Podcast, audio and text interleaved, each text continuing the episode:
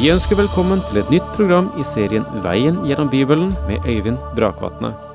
Denne studieserien er produsert av P7 Kristen Riksradio og bygger på serien Through the Bible av Vernon McGee.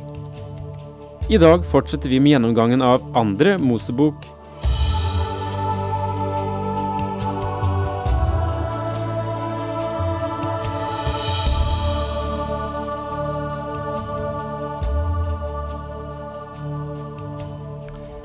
En av de venner som har eh, betydd mest for meg gjennom livet, er en kristen kunstner. Og det har vel av og til hendt at jeg har vært misunnelig på ham, for å si det sånn ganske rett ut. Eh, fordi at han har en evne til å kunne bruke kunsten som et uttrykksmiddel for det som ligger i hans tro, og det som ligger i livet ellers, slik som han ser det som en kristen kunstner. Og jeg husker jeg sa det til ham eh, en gang du, eh, jeg misunner deg. Da han sa at du vet at det, det er egentlig synd å misunne noen, Øyvind, og det måtte jeg bekjenne at eh, så er det. Og så la han til, hvorfor skulle du egentlig ha alle muligheter til å uttrykke det som ligger i den kristne tro. Hvorfor skulle ikke vi, som kan bruke våre hender på en særskilt måte, også få lov til å gi et fullgodt uttrykk for hva troen betyr for oss? Jeg takker Gud for min kristne venn, kunstneren, og jeg takker Gud for enhver kristen kunstner. Og her møter vi kunstnere igjen i religiøs, i i uh, jødisk sammenheng. Når vi nå slår opp igjen kapittel 31 i annen Mosebok. Kapittel 31 i annen Mosebok. Vi avsluttet sist med å si at dette temaet eh, om kunst og eh, folk som blir kalt til det, det er et av hovedtemaene i dette kapitlet. Ved siden av det så kommer sabbatsdagen. Dette kapitlet 31 i Annen Mosebok ser ut til å være en avsporing fra studiet av tabernaklet, men det er det faktisk ikke. Det vi har her, er en intervall mellom det at loven ble gitt, og nærmere beskrivelse av tabernaklet. Moses brukte lang tid på Sinai-fjellet for å få med seg alle forordninger og beskrivelser som Gud overlot ham. Israelsfolket ble litt utålmodige mens de ventet på at han skulle vende tilbake. Og dette kapitlet forteller om de håndverkere, kunsthåndverkere, som bygde tabernaklet, og særlig om den ene som fikk den spesielle oppgaven å lage inventaret i tabernaklet, spesielt de mer kompliserte enhetene. Og så leser vi fra vers 1 slik. Herren sa til Moses, Jeg har kalt Besalel, sønn av Uri, Hurs sønn av Judas stamme, og fylt ham med ånd fra Gud, med visdom, innsikt og kunnskap, og med evne til alle slags håndverk, så han kunne tenke ut og lage kunstferdige arbeider i gull, sølv og bronse, slipe steiner til innfatning, skjære ut i tre og utføre alle slags håndverksarbeid. Til medhjelper har jeg gitt ham Oholiab, Akisamaks sønn av Dans stamme og alle som har slike anlegg, har jeg gitt evne, så de kan lage alt det jeg har befalt deg. Disse menn og deres hjelpere ble gitt særlig utrustning for det kunsthåndverk de nå skulle ta i ferd med. De lagde inventar i tempelet og også tekstilene. Guds ånd utrustet dem for dette oppdraget. Man kan stille spørsmål om hva Besalel drev med før Herren kalte ham til hans gjerning. Jeg tror at kunsthåndverk var hans fag, og at han arbeidet med gull og sølv og andre finere ting. Men han ble gitt en spesiell gave fra Gud for å ta på seg dette oppdraget. Jeg føler det slik at det et menneske er utrustet for å gjøre, det bør også dette mennesket gjøre, uten at Gud gjør det tindrende klart at man burde gjøre noe helt annet. Av og til har jeg opplevd at det er dem som ikke kan tale, og likevel ønsker å gjøre spesielt det. Jeg kjenner flere lekmenn som er fast bestemt på at de skal bli forkynnere, men de er ikke utrustet for det. De har ikke de grunnleggende forutsetninger som en forkynner bør ha, men sta og standhaftig forsøker de å preke, mens andre sterke sider de har, skyves til side. Jeg kjenner en i et av våre naboland som er teknisk ekspert hva angår radioarbeid. Men alt han er opptatt av, er å forkynne.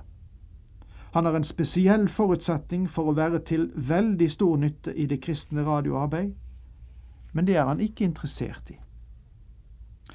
Jeg tror han burde begrense seg til de forutsetninger Gud har lagt til rette for ham.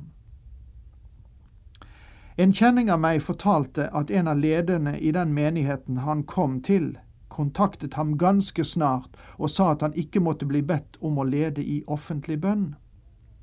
Jeg blir stiv bare ved tanken, sa han. Jeg er redd for å stå foran en forsamling, og det ser ikke ut til at jeg kommer over den frykten. Det er kanskje unormalt, men jeg føler at jeg bare dummer meg ut bare jeg taler offentlig, sa han. Mannen som kom med denne bekjennelsen, var leder av et leiebilfirma. Men han la også til at om pastoren trengte å ha noe gjort i en, i en eller annen sammenheng, i eller rundt kirken, hva angikk praktisk arbeid, så måtte han få beskjed. Han ble en veldig god hjelper, villig og dyktig. Før denne pastoren forlot menigheten, så takket han Gud at denne mannen ikke kunne tale offentlig fordi det hadde gjort ham trofast mot de naturlige anlegg og gaver Gud hadde gitt ham. Nå la meg si, dette er ingen regel uten unntak. Nei, selvfølgelig er det ikke det. Gud går ofte på tvers av våre mønstre, og det har jeg allerede sagt. At Gud kan gi uttrykkelig beskjed om at vi skal vende, vende oss fra et område til et annet, for å kunne gjøre det som han spesielt ønsket. Og Slik har det skjedd for meg, og derfor eh, er jeg klar over at det fins unntak fra regelen. Jeg er utdannet mekaniker, men er nå teolog og pastor, og sitter her og får lov til å legge ut Guds ord. I sannhet en endring av profil. Vel, til Besalel, da. Besalel han eh, kunne vel ha sagt at han ville ha en del i Arons tjeneste, og ikke bare i den håndverksmessige og kunstneriske utsmykning.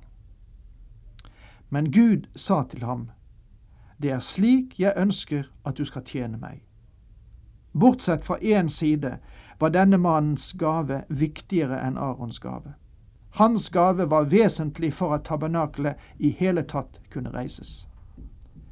Gud gir fremdeles gaver, mine venner, som vil utvikle de talenter du har. Gud gir oss talenter, men han ber oss om å innvie dem til ham. La oss være villige til å la Den hellige ånd ta tak i oss og bruke oss. Vi har ikke alle de samme talenter og gaver. Det gis av og til inntrykk av at om du ikke kan synge i koret, undervise i søndagsskolen, tale offentlig, ta opp offergaver eller tjene i festkomiteer, så er du ute av bildet. Jeg tror at Gud har et langt videre spekter enn vi ofte har sans eller syn for når det gjelder å utruste og bruke mennesker. Har du vanskelig for å bestemme hva din sterke side egentlig er, så gå til Gud og snakk til ham også om det og det Han har gitt deg, ønsket Han at Hans egen ånd kunne få ta, levendegjøre og forsterke og bruke i sin tjeneste. Det er noe annet i dette kapitlet som er av grunnleggende interesse og viktig å legge merke til. Det har å gjøre med sabbatsdagen. Det er noe som mange mennesker går lett forbi. Sabbatsdagen ble gitt mennesket rett etter skapelsen, og den ble overholdt av alle. Når vi kommer til den mosaiske lov, så ser vi at Gud gjorde den til ett av de ti bud for Israels barn. Ved denne tid gjorde Gud det helt klart at sabbatsdagen er bare for Israels barn. Ja, slik forstår jeg det. Hør hva det står. Herren sa til Moses, si til israelittene, mine sabbatsdager skal dere holde, for sabbaten er et tegn på pakten mellom meg og dere. Merk deg det? Et tegn på pakten mellom meg og dere fra slekt til slekt, for at dere skal vite at det er jeg, Herren, som helliger dere. Sabbatsdagen ble gitt spesielt til Israel. Jeg er ikke sikker på at den noensinne ble gitt til menigheten. Når noen spør meg når ble sabbatsdagen forandret, så svarer jeg alltid at den ble aldri forandret.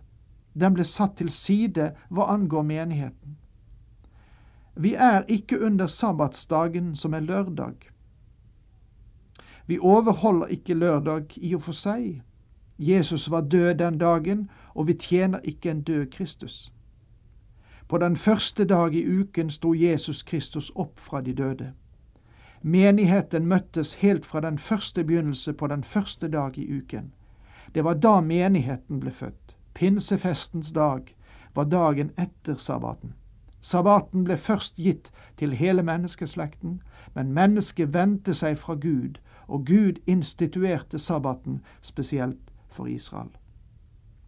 Jeg sier dette med all respekt for dem som kan ha en annen oppfatning enn meg. Men så fortsetter ordet, 2. Mosebok 31 vers 14. Dere skal holde sabbaten, den skal være hellig for dere. Den som vanhelliger sabbaten, må dø. Hver den som gjør noe arbeid på den, han skal utryddes av sitt folk. Av og til, må jeg vel tilstå, får jeg lyst til å spørre de mennesker som påstår at de holder sabbaten, om de holder den alltid. Og de som tilhører denne flokk og ikke holder den strengt, blir de tatt av dage, slik som loven krever? I seks dager skal dere arbeide, men den sjuende dagen skal det være sabbat, hellig sabbat for Herren. Hver den som gjør noe arbeid på sabbatsdagen, skal dø. Om det ble oppdaget at noen samlet ved på sabbatsdagen, så ble han steinet til døde i Israel. Israelittene skal gi akt på sabbaten, så de holder den i slekt etter slekt. Det skal være en hellig pakt.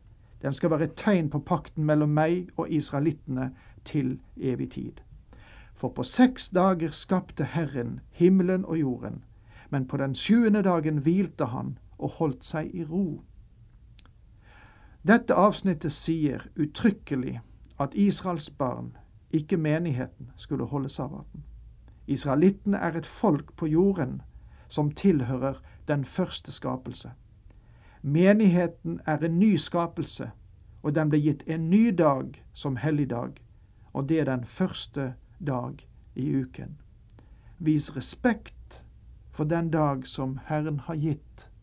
Våk over sabbaten i et ellers urolig og rastløst samfunn, der vi sannelig trenger hvile og konsentrasjon om de ting som forblir når alt annet forgår. Dermed så er tiden ute, og vi sier takk for i dag. Herren med deg.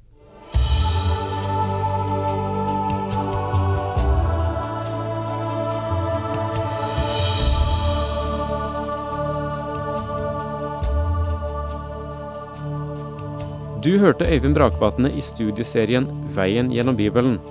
Serien bygger på et manus av Vern McGee. Har du spørsmål eller kommentarer til programmet, kan du sende en e-post til vgb krøllalfa p7.no. Takk for i dag, og på gjenhør.